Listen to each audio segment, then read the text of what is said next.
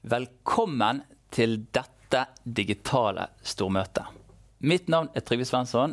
Jeg er fra Tankespinn Agenda.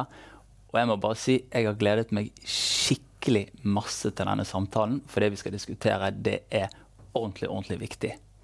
Verden skal ut av koronakrisen. Norden skal ut av koronakrisen. I tillegg så skal vi ut av ulikhetskrisen, og vi skal få til ikke bare et grønt skifte, men et rettferdig grønt skifte. Til å diskutere disse spennende spørsmålene så har jeg med meg en ganske fantastisk bukett av folk fra alle de nordiske landene.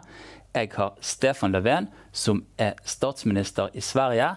Jeg har med meg Peggy eh, Følsvik, som er leder for LO i Norge.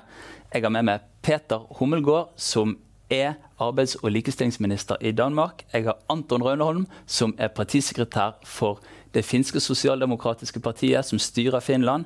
Jeg har med meg Jonas Gahr Støre, som er leder for Samak, eh, men kanskje mest kjent i Norge som leder for Arbeiderpartiet og statsministerkandidat. Og jeg har med meg Logimar Einarsson, som er leder for Samfylkingen, altså det sosialdemokratiske partiet på Island, og som skal også på valg nå i september. Denne samtalen den strømmes på eh, Agenda sine nettsider, men den strømmes òg på tankesmiden Tiden i Sverige sine nettsider, på Sevea i Danmark sine nettsider, på Samfylkingen i Island, Sorsa Foundation i Finland. Så vi, dette er rett og slett nordisk samarbeid på sitt beste. Og Jeg har lyst til å bare stupe rett inn i det. Eh, Stefan Löfven, jeg vet at du er på Arlanda, for du skal rekke et fly til Brussel. Hører du meg? Jeg hører deg godt og vel. Hører du meg? Jeg hører deg kjempefint. Og, og jeg, det ser litt mørkt ut i bildet, men det kan være bra. Ja, men jeg synes det ser ut Du ser egentlig ikke ut som du er på Arlanda. Det ser ut som du er på, i en norsk hytte. ja, det, det ønsker at jeg gjorde det. Uansett, vi setter veldig stor pris på at du kan delta. Eh, og jeg har lyst til å stille deg et spørsmål. Vi, eh, den, vi har den nordiske modellen som tema her i dag. Og tror du at når vi nå skal gjenoppbygge samfunnet etter covid-19, tror du at um, fellesskapsløsninger kommer til å få større oppslutning? Ja, jeg tror definitivt det. Vi prater nå eh, mye i Sverige og fra sosialdemokratiet om at vi har nå et nytt politisk lege. og det En av anledningene er at pandemien har vist at det det er et sterkt samfunn, en sterk samfunnsgemenskap som, som er svaret på de här utmaningarna som vi just nu står inför eh, men också framtida utmaningar. Och det, det är så vi har resonerat hela tiden. Det, det starka samhället när vi hjälps åt, eh, visar solidaritet, det är det som är, är svaret på de här svåra utmaningarna. Så att själva modellen, ja. Sen säger vi också bejakar att vi, vi har visat vår välfärdsmodell i Sverige hade sina svagheter också. Styrkan var exempelvis att vi kunde fördubbla antalet eh, intensivvårdsplatser på ganska kort tid i fjol vår. Så sjukvårdssystemet i den meningen var redo att växla upp. Å andra sidan kunde vi se att vi hade för många dödsfall i äldreomsorgen och det berodde bland annat på att det fanns för lite medicinsk kunskap och, och för lite kompetens bland de anställda i allmänhet och, och, och eh, för att hantera den här typen av, av eh, pandemier. Eh, men också att man hade för dåliga anställningsvillkor. Mm. Så när vi summerar det här nu så säger vi att ja, det är uppenbart att vi behöver mer resurser till välfärden, till äldreomsorgen, till sjukvården, till skolan.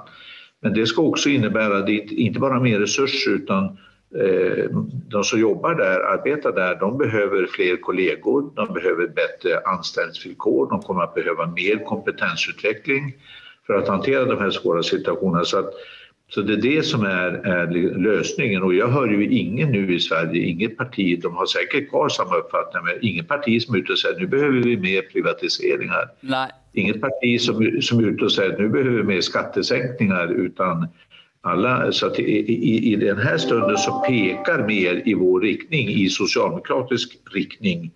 Och, eh, så, så vi, vi använder det här nu också väldigt medvetet för att få bevis för att det den, den nordiske modellen, den sosialdemokratiske modellen er sterk. Stefan, jeg ser Peggy i studio her. Hun nikker veldig når du snakker om arbeidsvilkår i, i vården på sykehjemmene. Men jeg har lyst til å stille deg, Jonas Gahr Støre, et spørsmål. Um, hva, hva, er dine tanker om hvordan den nordiske modellen og det organiserte arbeidslivet har på hjulpet oss gjennom pandemien, eller håndtert pandemien? Jeg vil jo snakke ut fra norske erfaringer, da, men, men, eh, jeg tror de er ganske like i Norden. og Det, det tror jeg går på at uh, det å ha et organisert arbeidsliv hvor partene tar ansvar, har jo vært helt avgjørende når vi har besluttet tiltak i Stortinget overfor de som er blitt rammet av pandemien. Fått en mer rettferdig fordelingspolitikk. At de som blir permitterte, får en godtgjørelse som du kan leve av gjennom krisen. Eh, fordi krisen forsterker forskjellene, det ser vi jo eksempel på. Det er et forstørrelsesglass på forskjellene. Men det at partene kommer inn her og tar medansvar, det måtte vi presse gjennom i Stortinget fordi en borgerlig regjering ikke tenker slik i utgangspunktet. Men så kommer punkt to, og det er jo at det beste forsvaret mot en pandemi, og det lærte jeg da jeg arbeidet med Gro Harlem Brundtland i Verdens helseorganisasjon, det er jo et offentlig helsevesen. Det er et helsevesen som er i stand til å reagere eh, i sykehusene sentralt, men også i kommunehelsetjenesten. Jeg tror ikke skjer det selv, tror jeg. og det, eh, det, tror jeg vi har erfart her, at det at vi har kompetanse og kapasitet i et helsevesen som er tilgjengelig for alle, som ikke skiller etter økonomi, det er liksom punkt to. Mm. Og Det tror jeg vi ser internasjonalt også. Evnen til å reagere raskt. Det Stefan påpeker nå med eldreomsorgen i Sverige skyldes vel reformer Stefan, som kom eh, tilbake igjen også i borgerlig tid på 90-tallet. Dette har lange, lange linjer i historien. Eh, og Det siste punktet, som jo er helt avgjørende i den nordiske modellen, eh, med små forskjeller, nære kontakter, godt samarbeid, høy frivillighet, det er tillit. Mm. Og den tilliten, Hvor ser vi den i denne situasjonen? Jo, vi ser tilliten der at de rådene du får fra folkehelsemyndighetene, enten det er formidlet av dem eller av regjeringen, de rådene de lytter nordmenn til. Og jeg tror I Norden så har vi respekt for at de rådene er gitt til vårt beste. Altså Hvis rådene kommer fra Bolsonaro i Brasil eller fra Donald Trump i USA, så er jo folk splittet i to om de vil høre på dem eller ikke.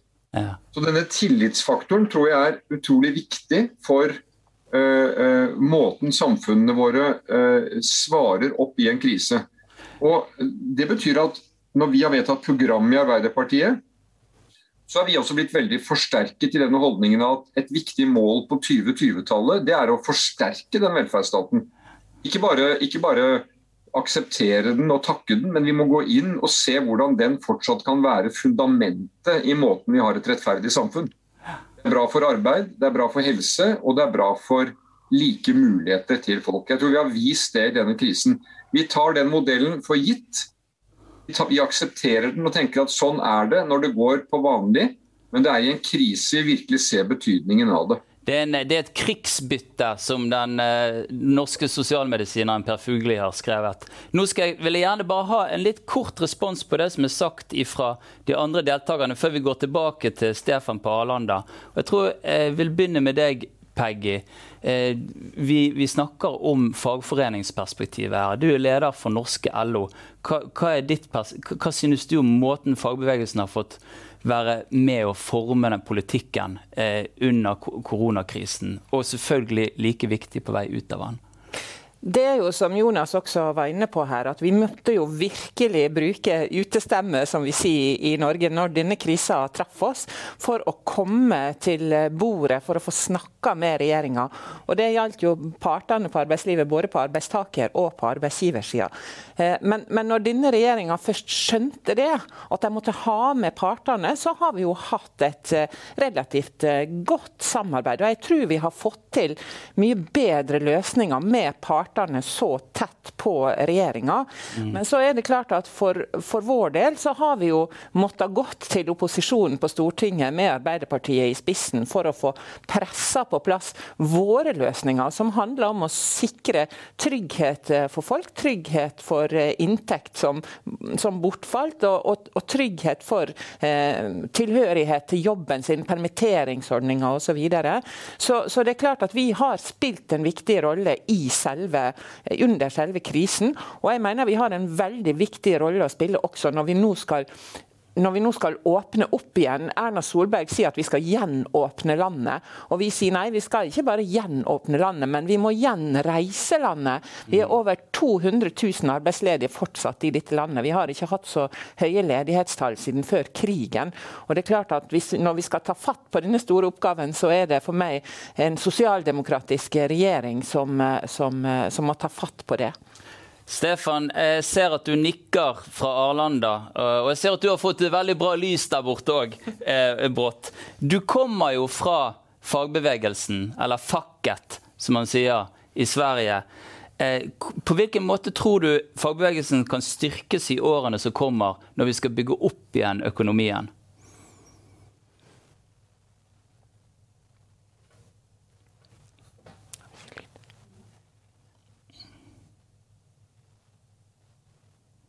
Du er mutet. Uh...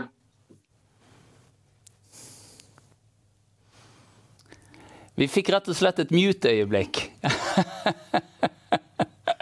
Da skal jeg, vet du hva, mens dere... Er det ok? Ja, ja. Men det, jeg vet du hva, jeg blir veldig glad når jeg ser at selv en statsminister kan glemme å trykke på mute-knappen. Det er så spurt mange ganger i uken. Mute-knappen hadde jeg trykt på, ikke unmute. Det var, det var mitt problem. Nei, men jeg, jeg deler oppfatningen her, Peggy. Det, det, er viktig det her. Under krisen så hade vi en mycket bra dialog med både, båda parterna, för vi måste ha parterna med oss. Det är så viktigt att arbetsmarknaden är med. Och jag kommer ihåg väldigt tydligt 2008-2009 under finanskrisen när jag var förbundsordförande i IF Metall. Den dåvarande konservativa regeringen, högerregeringen, gjorde ingenting.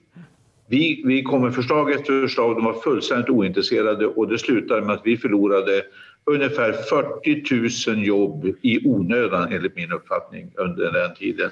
Och då sa jag, får vi någon möjlighet att ändra på det här så får det aldrig hända igen. Nu har vi haft en situation där ungefär 600 000 löntagare mer eller mindre vid olika tillfällen har fått gå ner arbetstid, minskat kostnaden för arbetsgivarna men löntagarna har blivit kompenserade av staten, av samhället istället. Mm. Det är ett sätt att, att hantera krisen här och nu. Men eh, det är också så att eh, nu framöver så vill vi stärka parternas eh, roll i och det, det, hela, hela min utgångspunkt är att eh, om man stärker parterna i, till, låt säga omställningsarbetet, vi kommer att behöva ställa om eh, med kompetensutveckling, hitta nya arbeten som ska, som ska eh, passa den nya tekniken till exempel. Då ska parterna ha en stark ställning i det och när vi stärker partsrollen, då stärker vi fackföreningsrörelsen. Då ges fackföreningsrörelsen en ännu viktigare betydelse. Att allt fler människor ska se, ja just det, det är klart att jag ska vara med i facket. Därför att det är där som jag får bäst hjälp med omställning oavsett om jag blir arbetslös eller om jag blir sjukskriven och måste vara hemma ett tag och ska tillbaks med rehabilitering.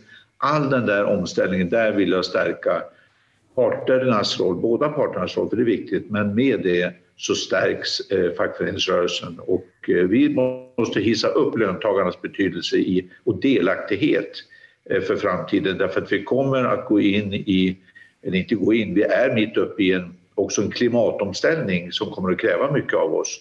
Och det här är ett samhällsbygge, ett helt nytt samhällsbygge av samma magnitud som när, när den sociala demokratin infördes, när utbildningsdemokratin eh, började, började eh, implementeras.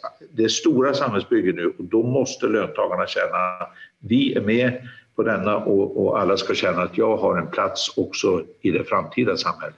Eh, Stefan, jeg har lyst til å invitere til en respons på det eh, Stefan Löfven nettopp har sagt. og Gjerne litt kort, men kan vi begynne, hvis vi kan begynne med deg, Peter i Danmark. Peter Hummelgård, hører du oss? Jeg hører jeg. Du hører det, og du har trykket på mute-knappen. Det er fantastisk. Hva syns du om, om, om fagforeningsperspektivet som Stefan Löfven nettopp har trukket opp? Jamen, altså, jeg, jeg, jeg, i flere ting. For det første, så tror jeg, vi snakker meget om i Danmark, og jeg kan også høre, det er meget den diskussion, der er i, i, de andre, øh, i de andre lande, og heldigvis for det, at coronakrisen har været et forstørrelsesglas øh, på vores samfund, både på vores svagheder, men, men jo især også på vores styrker. Og jeg er fuldstændig enig med, med, med Stefan i, at øh, en af de styrker, som coronakrisen jo klart har, har, har blotlagt, er, øh, hvor dybt afhængige vi er, både i krisehåndtering, men også af at have et stærkt arbejdsmarked. At vi har øh, en, et velorganiseret arbejdsmarked, hvor at øh, lønmodtagerne har et stærkt øh, sikkerhedsnet, og, og samtidig også er i stand til at indgå forpligtende aftaler i en krisesituation. Altså det har virkelig vist sit værd i, i, i Danmark i løbet af den her krise her, og gør også, at, øh, at, at vi har et fornyet fokus på, hvordan vi gennem regeringsbeslutninger også kan gøre det nemmere mm. for fagbevægelsen at løse sin opgave. Altså det er jo klart, det er jo ikke en politisk opgave at organisere medlemmer for fagbevægelsen. Øh, det skal fagbevægelsen jo selv gøre, men man kan jo træffe politiske beslutninger, som enten gør det sværere eller nemmere. Øh, og det er, hvis nogen af jer har læst Stiglitz, han snakker jo altid om, om, om det her med, med, med bargaining power. Altså, øh, og, og der tror jeg, at vi politisk kan gøre noget for at, at hjælpe på vej, at vi har et velorganiseret arbejdsmarked, hvor lønmodtagerne også er i stand til at forhandle sig selv nogle, nogle ordentlige og, og rimelige lønstigninger øh, hjem, og, og især også noget tryghed, i, specielt som jo øh, er ekstra vigtigt i en krisesituation. Peter, det, vil sige, det er i virkeligheden til, til både til, til Jonas, men også til Stefan, det er, at jeg tror meget på, at øh, denne her coronakrise her, øh, en af de globale megatrends, vi kommer til at se, vil være fra flere og flere andre samfundsmodeller en søgen hen imod øh, velfærd. Øh, og, og der tror jeg, at vi har en vigtig rolle at spille øh, i de nordiske lande i at, at vise, hvad det er for nogle veje, man kan gå. Joe Biden og USA jo som det mest tydelige eksempel, men jeg tror andre samfundsmodeller, som, som øh, ikke har haft velferdsstater og velfærdssamfund, øh, der vil være et stigende press på befolkningene i at brede et, et sikkerhetsnett og trygghet ut, sånn at man er mer motstandsdyktig i frem, fremtidige kriser. Du, Det er et veldig bra poeng, Petter, og det kommer til å komme tilbake til å stille deg spørsmål om på nytt. Men jeg vil òg høre fra Anton Rønholm i Finland. Er du der, Anton? Det er jeg. Hei, hei. Hei, hei, hei og takk for sist. Jeg, jeg, nå styrer Sosialdemokratene Finland. Vi har dette fagforeningsperspektivet med oss i den første delen av samtalen. Hvordan har fagforeningen eh, vært med å bidra til den finske, eh, finske måten å møte koronakrisen på? Um, fackföreningsrörelsen, som alltid liksom i den finska historien, har varit väldigt aktiv och både liksom sökt lösningar och försökt bidra till att regeringen i den svåra situationen kan säkra till att, att, um, att, att vi kan reagera till de här utmaningarna, till de här problemen, till exempel att, att det finns massa företag på servicebranschen som hade ju ett behov av att man måste permittera, man, det, det, det behövs en viss liksom, äh, ska man säga, flexibilitet i det hela.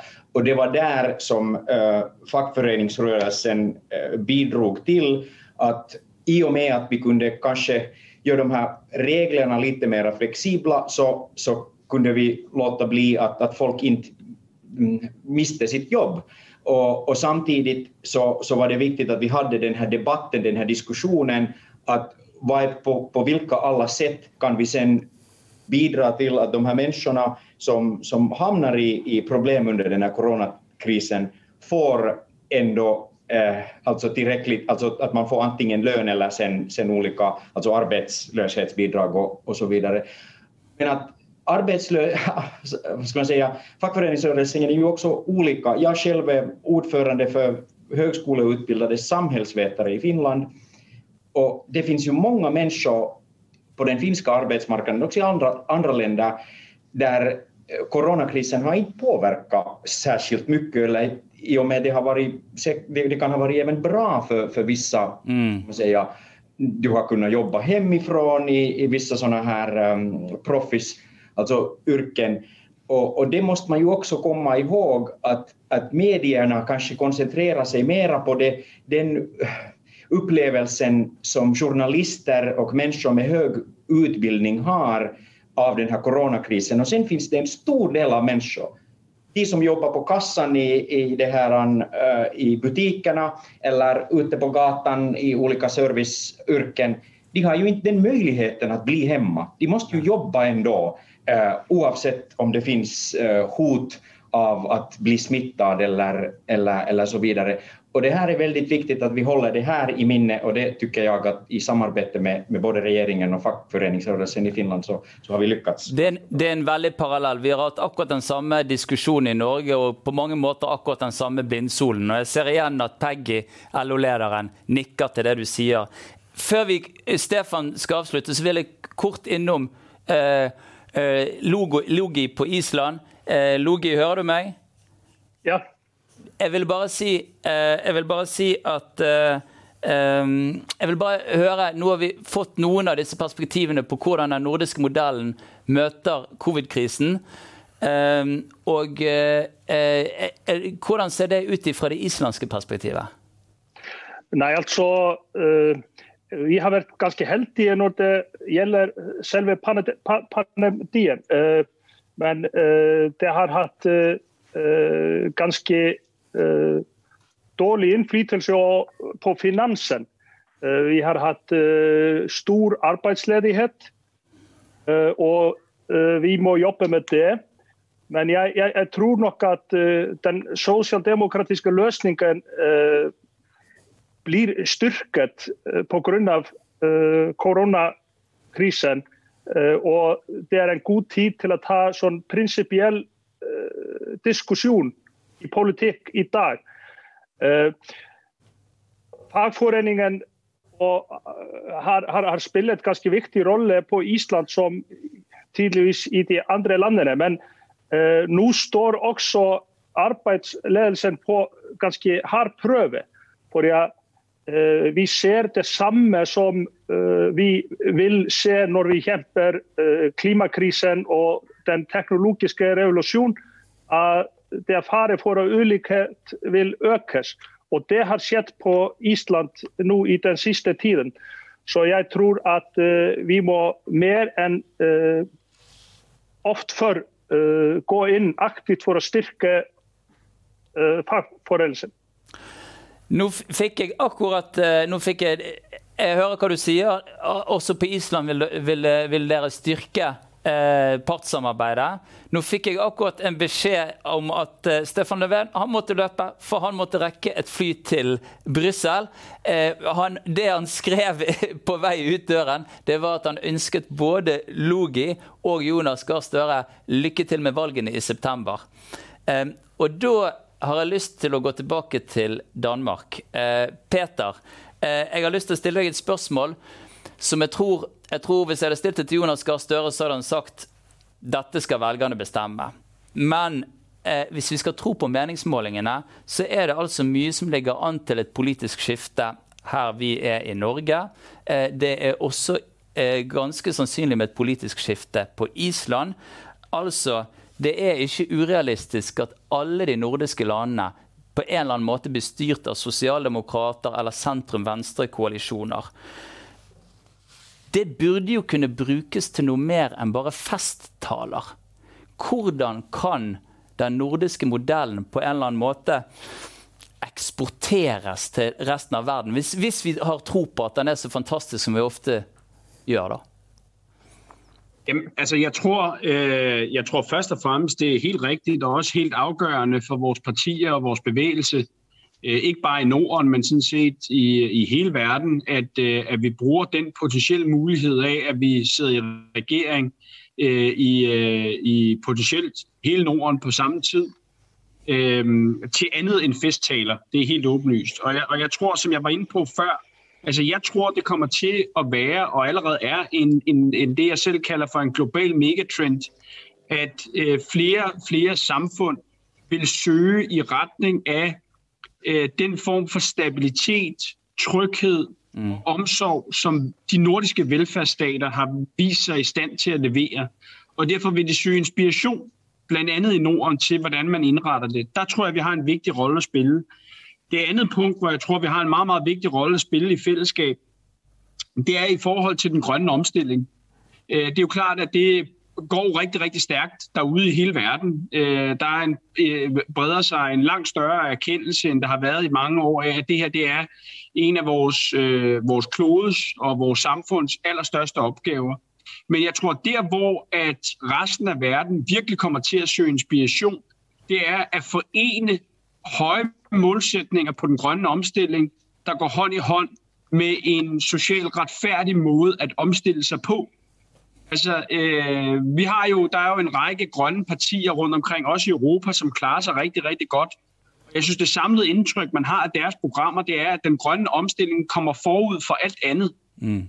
Også forud for alle de lønmodtagere, der arbejder i dag i industrier, som måske har behov for ekstra hjælp til at omstille sig, behov for ekstra uddannelse, og sørge for at gøre det på en klog måde, så vi rent faktisk viser alle de store udledere af CO2, at det rent faktisk godt kan lade sig gøre at omstille sig øh, til en, en grønnere produktion, grønnere levevis, uden at det fører til massearbejdsløshed, og uden at det slår bunden ud af, øh, af den, øh, den offentlige øh, kasse.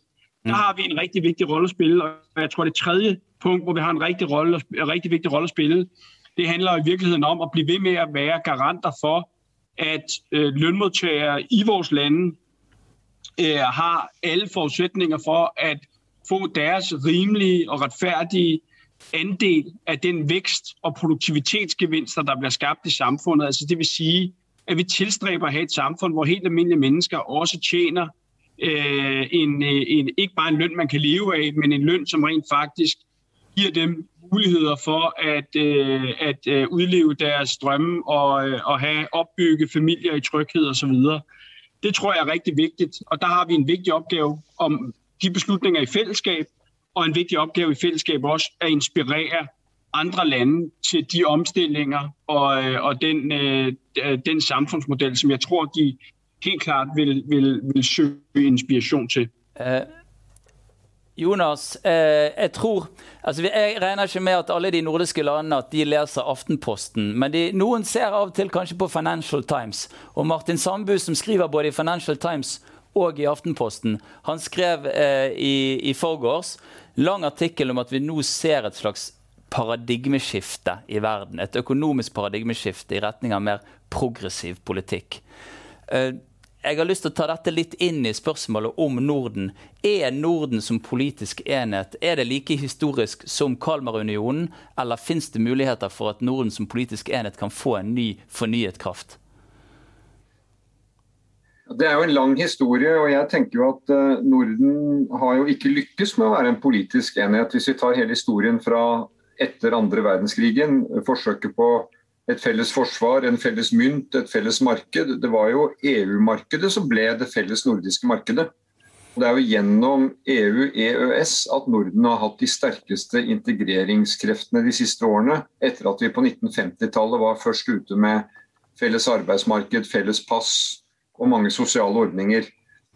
Og Det tenker jeg at eh, det er en erkjennelse av at i vår verden så kan ikke Norden være, med så åpne samfunn være en lukket politisk enhet. Det tror jeg vi erkjenner ut fra en slags nordisk pragmatisme. Det er gjennom det europeiske at vi, at vi og, og, og, og, i andre eh, FN og med, med, politiske globale organisasjoner eh, at, vi, at der ligger på mange, mange måter de politiske beslutningene. Men jeg har jo ofte tenkt at Norden er for beskjeden i å formulere ambisjon på vegne av Norden. Jeg husker I min tid som utenriksminister så så, så vi jo at, eh, at Norden til sammen var blant de største Hvis vi samlet oss største økonomien i verden, hvorfor skal ikke Norden være til stede i G20-møtene f.eks.? Uh, uh, samlet sett er vi nummer 10-11 av, av, økonomiene der. Hvorfor lyder ikke da Nordens stemme med våre tradisjoner og våre erfaringer? Det mener jeg er en feil. Og jeg mener at Det at vi har ulik tilknytning til EU, det skyldes jo historiske årsaker, gjør at vi i for liten grad bruker de mulighetene Norden har. Andre regioner i Europa har vært tydeligere med å markere seg også politisk. Mm. Men, men det, det, du påpeker her, uh, Trygve, er jo altså en, en, lederskribent i Financial Times skriver altså at det, er, det, det har vært to store ideologiske skifter det ene var Roosevelt, Kanes, New Deal. Eh, staten måtte ta ansvar for å få økonomi og samfunn på kjøl. Så hadde du Reagan og Thatcher som bryter dette opp, bekjemper fagforeningene, markedet skal dominere, trekker seg tilbake. Og nå mener han da det kommer et nytt skifte, eh, hvor staten tar ansvar på ny, men ikke som en kopi av 1930-tallet, men særlig koblet til klima, ny teknologi, hvordan man skal uh, nå de målene som samfunnene må nå. Og Da peker han også mot de nordiske erfaringene. Uh, og så etterlyser han da at vi, at vi, ser oss dette i Norden. Dette er jo veldig mye det Arbeiderpartiet har formulert i sitt program. At vi skal ha en markedsøkonomi. Kjernen i, våre, i vårt samfunn er private bedrifter. De er små og mellomstore, de er innovative, de ansetter folk. Men de skal forvente å få møte med en stat som er aktiv, stiller krav og stiller opp og som deltar for å gjøre dette grønne skiftet mulig, med å stille krav til hvordan vi kan nå målene, og også er med på å ta risiko. Mm. Jeg tror hele forutsetningene for å lykkes med det er at vi lykkes i markedet, men vi må også lykkes i samfunnet. Vi må ha sosial balanse, sosial fred. Vi må ha eh, tilstrekkelig grad av rettferdighet, slik at mennesker opplever at de er med å ta utfordringene, men også med å ha gevinstene. Så her er det en stor mulighet som jeg mener Norden har. og jeg mener jo at Samak er en veldig viktig, fint organ. Vi skal gå videre. Vi har diskutert møte med teknologi, møte med klima, den nordiske modellens stilling. Hvordan vi skal gå videre på det, det må vi holde fast med. fordi verden kommer til å se mot denne modellen i større grad. Helt til slutt så vet jo vi, og her er det tenketanker inne, at du kan aldri kopiere en modell. Du kan aldri gå fra et land med helt annen historie og si at nå tar vi og blir Finland, eller vi blir Danmark, eller vi blir Norge. Det, det, slik er det ikke. Men vi har mange eksempler på at enkelte deler og prosesser og måten å innrette det på, kan vi dele med andre. Men jeg syns ikke at Norden skal være en ekspansiv pådriver for at andre skal ta vår modell. Men vi er åpne samfunn, og vi kan vise det frem. Og jeg tror på mange måter det er vi i dag som er den altså Man sier jo det at det er jo i Norden du kan realisere den amerikanske drømmen med sosial mobilitet. Fordi forskjellene er små nok. I USA så er den amerikanske drømmen nærmest uh, totalt låst, fordi forskjellene er blitt for store. De, det må vi bevare. og Derfor er det helt avgjørende at våre samfunn sørger for at ulikhetene ikke får vokse. For, for vokse. Peggy Hersen uh, Peggy Følsvik Hersen. uh, En gang til nå. Du uh, du har nylig lagt fram en stor industripolitisk eh, plattform som egentlig jeg vet ikke om vi kan si at det ligner på en slags liten norsk versjon av det Joe Biden har gjort i USA, men det er i hvert fall en, et, vel, en plattform som legger veldig opp til en aktiv næringspolitikk og en gjenoppbygging. Eh, du snakker også med de an, dine nordiske fagforeningskollegaer, nordiske og europeiske fagforeningskollegaer. Hva er dine tanker om debatten, om det som er blitt sagt så langt, om vi nå er på vei inn i et skifte, inn i en ny tid? Ja, Vi har jo, som du sier, eh, Trygve, lagt fram en sånn industri- og, og energipolitisk plattform sammen med NHO, arbeidsgiverorganisasjonen i Norge. Og Det handler jo om eh, hvordan skal vi klare å nå for det første de tøffe klimamålene som Stortinget har vedtatt at vi skal redusere utslippene våre.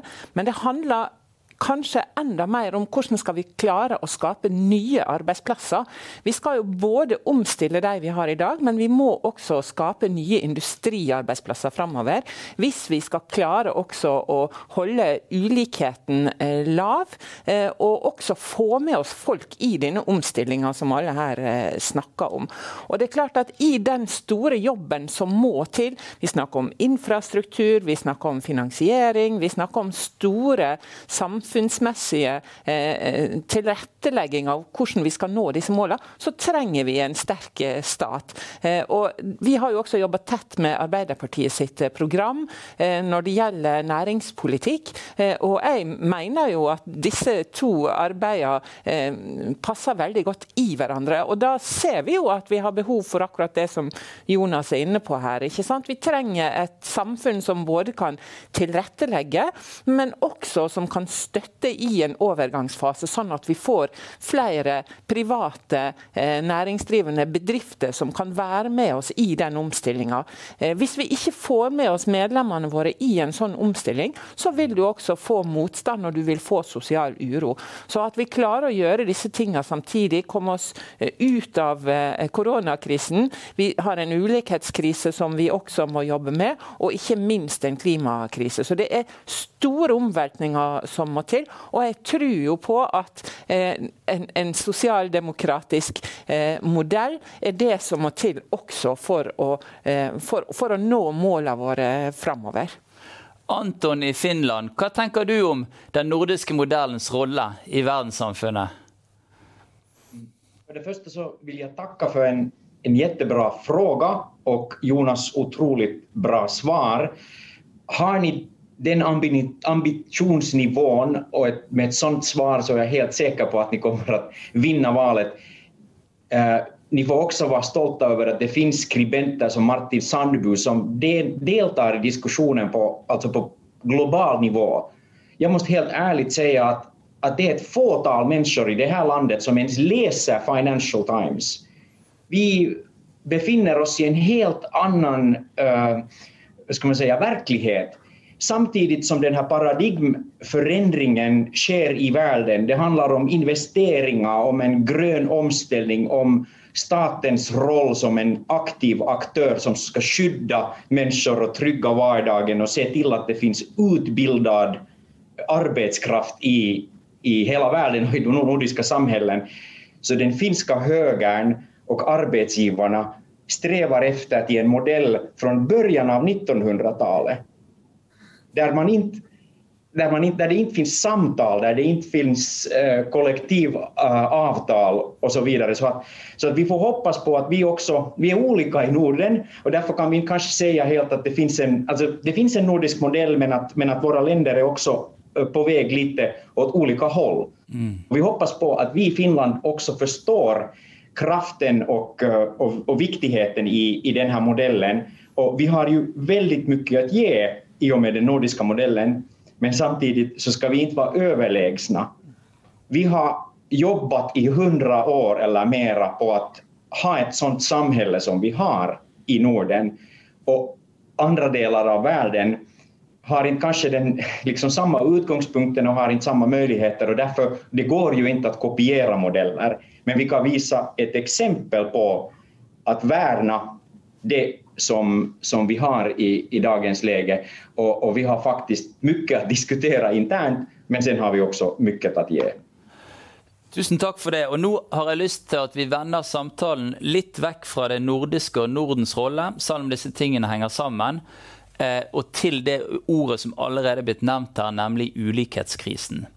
Vi vet at ulikheten i verden, og i den vestlige verden spesielt, har økt voldsomt de siste 30 årene. Det er stadig flere som blir bekymret for det. Eh, og kanskje nå er tiden inne eh, for nettopp et progressivt skifte i møte med ulikhet.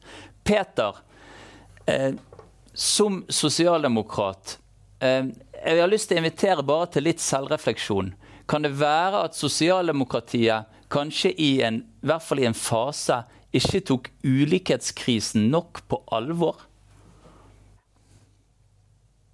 Altså, jeg tror, i, i forhold til, til selvreflektion, som du, som du efterlyser, altså, der vil jeg være ærlig og sige, at det har været et et, et meget markant pejlemærke for os og den her regerings krisehåndtering at forsøge i videst mulig omfang at gøre det modsatte af, hvad vi også selv var med til at gøre i kølvandet på finanskrisen.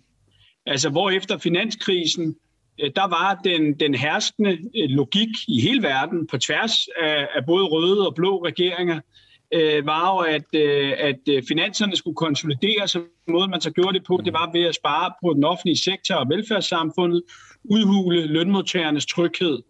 Og der har vi jo, kunne vi jo se, at det var en krise, der endte med at trække langdrag og endte med at blive meget dyrere, øh, end hvad, hvad alle havde troet og håbet, den ville blive.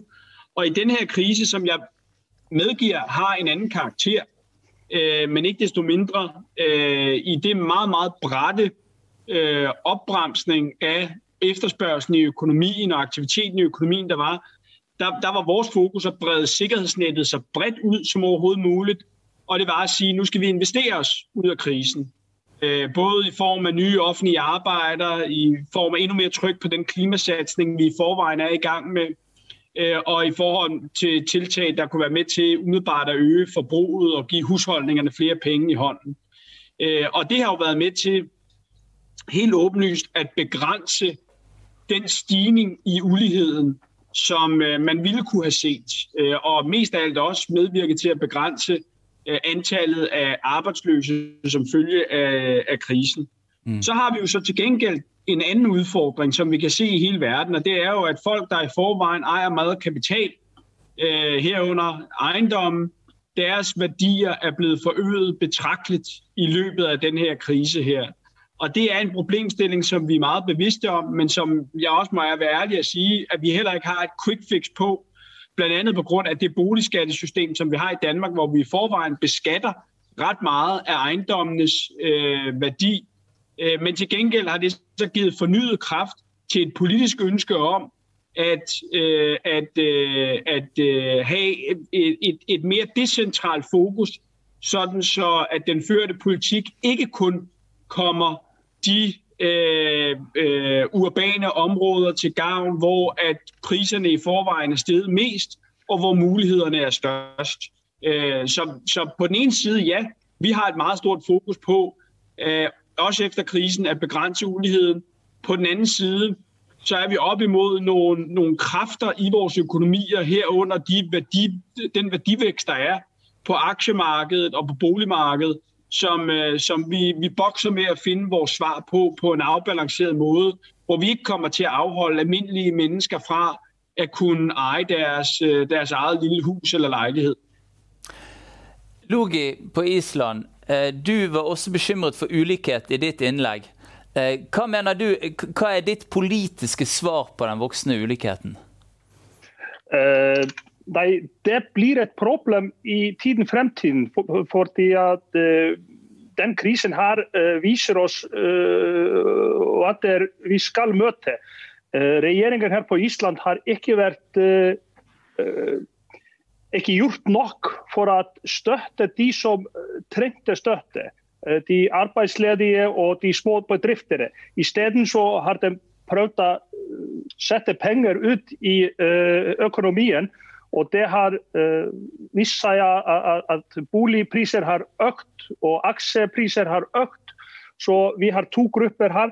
Vi har de som er rammet av krisen, og vi har folk som har det egentlig bedre enn en, en før. Så nå står vi på en uh, prøve hvor, hvor vi finner ut hvor tålmodighet vi er. For jeg, jeg, tror at vi må vokse ut av den krisen for lang tid, i stedet for å kutte ned i velferden. Men jeg er redd for, selv om Jonas har rett i at det er et skifte i världen och alla partier låter som de är socialdemokratiska nu. Att eh, de blir högerpartier igen när det börjar gå bättre. Eh, och visst det sker så är jag rädd för att, att, att vi inte klarar att jävna parterna som har eh, uh, upplevt den krisen och uligheten vill uh, fortsätta att öka. Jonas, eh, det skjedde noe litt spesielt i Norge for ikke så lenge siden. Det var at vi kunne lese i avisen noe som er nytt i norsk, ganske lenge på norsk sammenheng. Nemlig at nå er sosiale forskjeller det regnes som det, ene, det, det, som er aller mest avgjørende når folk skal ta eh, før den norske valgkampen. Eh, ulikhet er rett og slett kommet på agendaen på en litt ny måte. Hva tror du det handler om? Det er veldig interessant, fordi eh, jeg har jo tenkt opp gjennom årene at sosialdemokratiske partier er litt som eh, et godt lag i tikamp i de olympiske spelen. Altså Vi kan mange fagområder, men vi blir ofte sårbare inn mot et valg hvis det kommer ett tema som kommer opp som uh, velgernes favorittema, et eller annet lite, litt marginalt, men allikevel populært og viktig tema, så blir vi ofte skjøvet litt til siden fordi ensakspartier kommer og dominerer. Det har vi sett eksempel på. Det kan komme et skattespørsmål, det kan komme et innvandringsspørsmål, det kan komme um, en skandale som dominerer. Det vi ser i det norske bildet nå, er at dette temaet knyttet til sosial rettferdighet, sosial ulikhet, det bekymrer folk. Og jeg tror det, Vår oppgave er jo da å ta det som en, et uttrykk for en stemning hos folk, og så må vi omsette det til hvilke løsninger skal vi da gå for. Og Da er vi inne på på Peters område. ikke sant? Eh, jeg, jeg, bruker mye tid når jeg nå snakker i den begynnende valgkampen, så pleier jeg å si at jeg kan, ikke, jeg kan, nesten ikke tenke meg noe viktigere oppgave for meg som politiker enn å tenke på en norsk 15- og 16-åring. Hva ligger foran henne? Vil hun kunne ta en utdanning hvor hun på den andre siden får en hel, fast stilling og en lønn å leve av? Som gjør at hun kan skaffe seg en bolig, etablere familie og gå videre i samfunnet. Så Vi må gå til kjernen av det som er jeg mener, sosialdemokratisk politikk, som er rettferdig fordeling og dermed like muligheter. Men utfordringen vår er å oversette dette til veldig konkrete uh, uh, politiske grep vi trenger. Vi vet at uh, Mettes valgkamp i 2019, Peter, hvor, hvor dere hadde plakatene 'Men 'Nå er det Arnes tur', den har jo inspirert oss. Eh, vi gjør et litt annen vri på den, men i Arbeiderpartiet sier vi at nå er det vanlige folks tur. Og Det er for å vise fram at etter åtte år med borgerlig regjering, så er det de med mest som har stått først. Når de store pengene er fordelt og de politiske sakene er prioritert. Og Vi ønsker en endring på den rekkefølgen.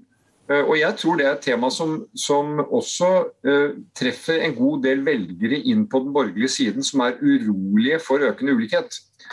Så eh, eh, det er, en, det, er både, det er, både, en litt sånn politisk filosofisk debatt, fordi vi er jo alle for at det er forskjellige mennesker og mangfold i samfunnet vårt.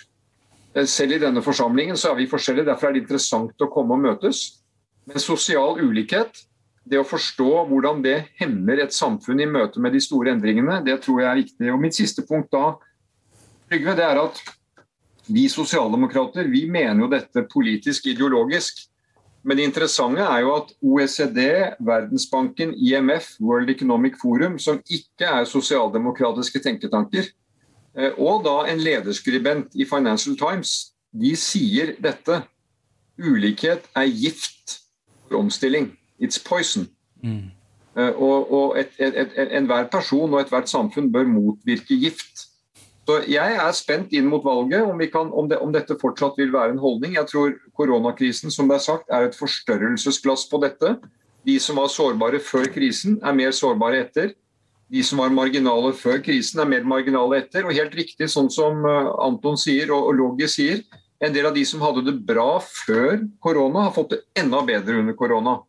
Og Når vi kommer ut av denne krisen, så vil jo jeg tror vi, vi, står overfor en stor utfordring i økonomisk politikk fordi vi kan få inflasjon tilbake som et fenomen i våre samfunn.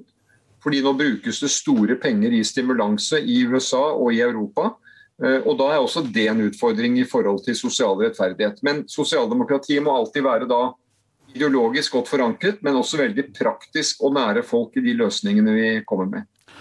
Peggy, eh, du organiserer mange av de, eh, altså de lavtlønte i det norske samfunnet. Eh, store deler av LOs medlemsmasse. Eh, har du tro på at vi nå endelig kan få et ordentlig taktskifte i kampen mot ulikhet? Ja, Mine medlemmer er jo veldig opptatt av nettopp ulikhet. Det er jo den saken som de skårer høyest når vi har spurt dem nå i forkant av valget hva er det som de er mest opptatt av. Så er det jo eh, kampen mot uh, ulikhet.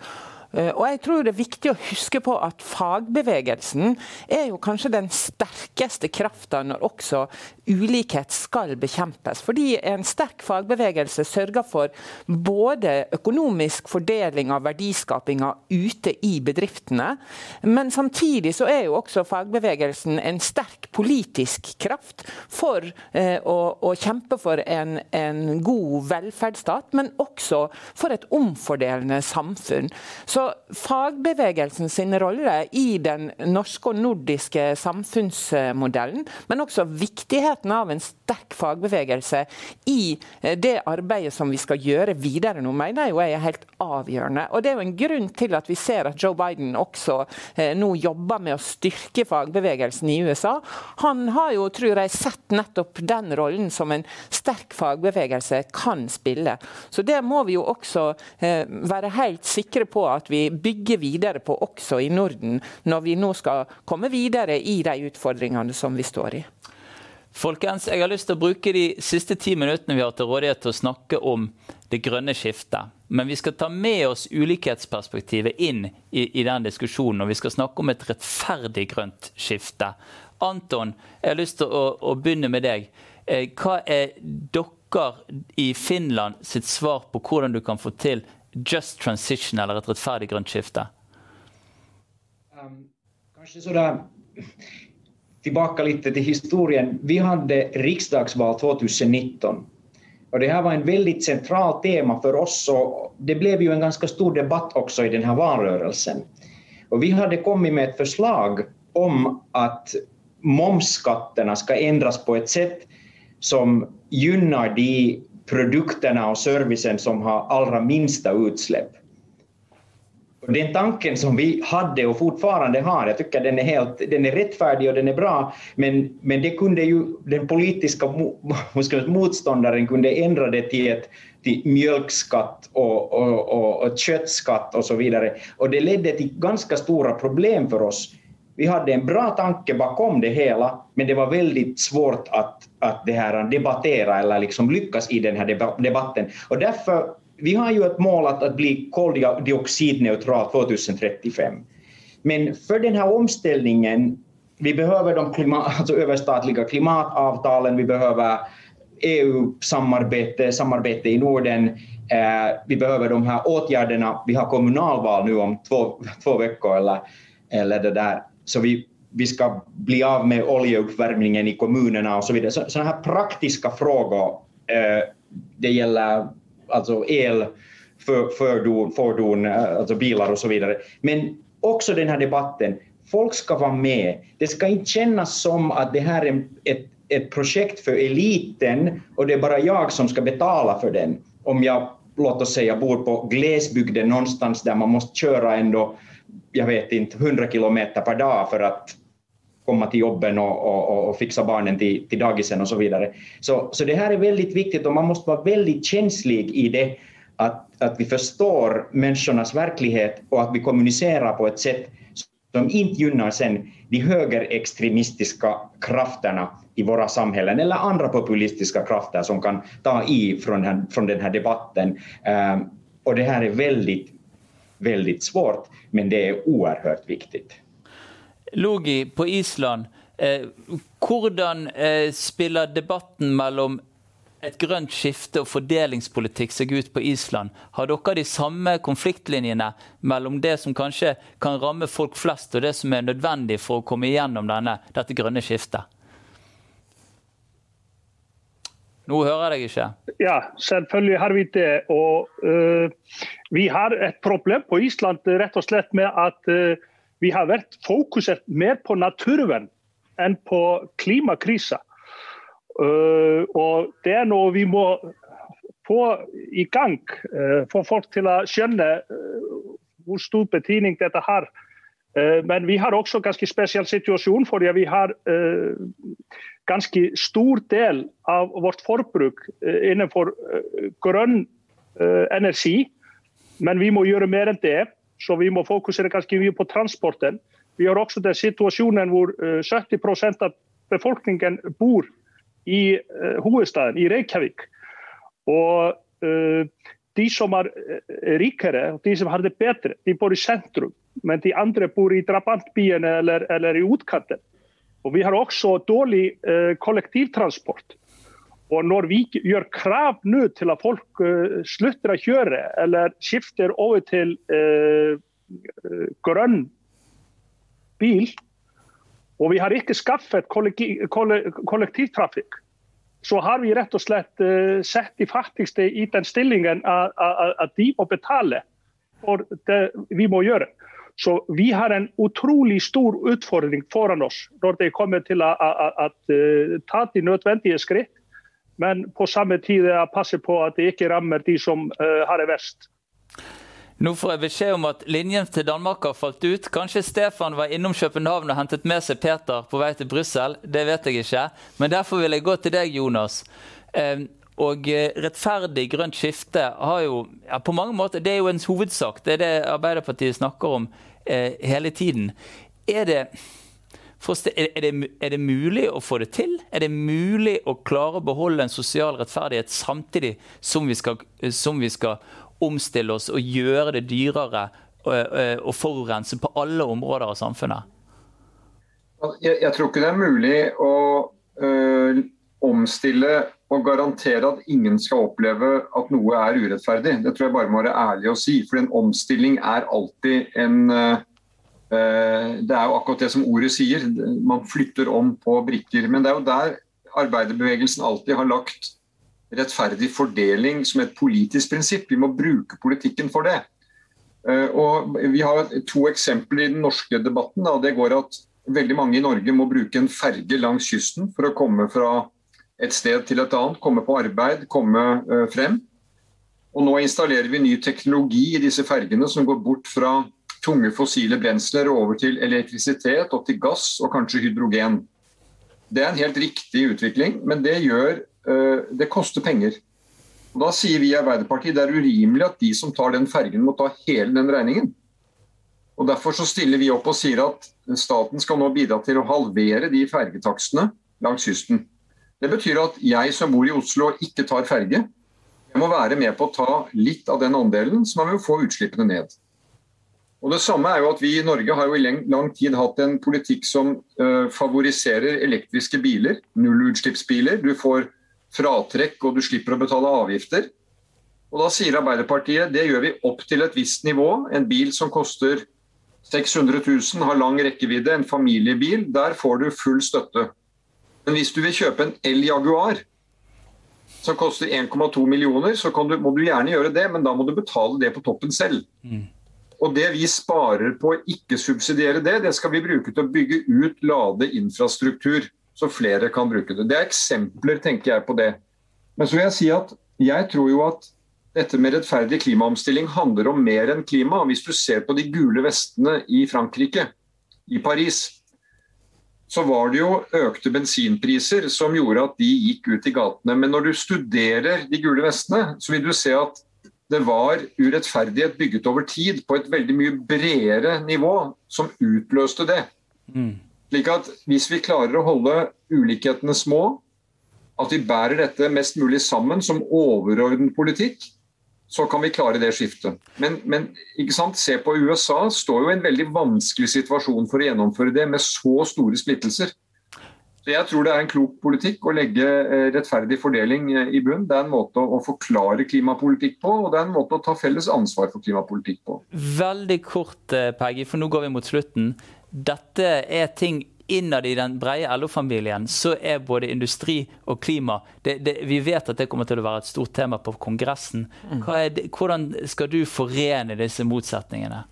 Jeg tror vi må snakke mer om hva vi skal gjøre framover. Vi må være modige, vi må være gode på omstilling. Det er vi for så vidt. Vi har et høyt utdanningsnivå i Norge, og vi er glade i ny teknologi. Så jeg tror med de eh, tingene som vi har snakka om her i dag, så klarer vi dette hvis vi er eh, mer framoverretta enn at vi snakker om hva vi skal nødvendigvis slutte med. Og så må vi ha med alle. Alle må se at det ligger muligheter også for meg og min arbeidsplass i dette grønne skiftet. For da får vi med oss folk, da klarer vi også den omstillinga. Kjære dere som har sett på. Vi har altså hørt eh, om ulikhet, vi har hørt om den nordiske modellen, vi har hørt om rettferdig grønt skifte. Og personlig så må jeg si det er slående hvor like problemstillingene er i alle de nordiske landene. Hvor mange felleserfaringer som finnes. Og så vil jeg òg si noe helt til slutt. og det er at Alle vi har hørt her, de er toppledere, de er viktige, de er med å forme samfunnet våre. Men de er også medlemmer av breie demokratiske organisasjoner. Så hvis du som ser på har lyst til å være med og forme virkeligheten i dette enormt viktige politiske tiåret fram mot 2030, den beste måten å gjøre det på, det er rett og slett å organisere deg i fagbevegelsen eller i et politisk parti som deler de samme verdiene som, det, som, eh, som deg sjøl. Uansett, tusen takk for at du fulgte med på. Takk for i dag.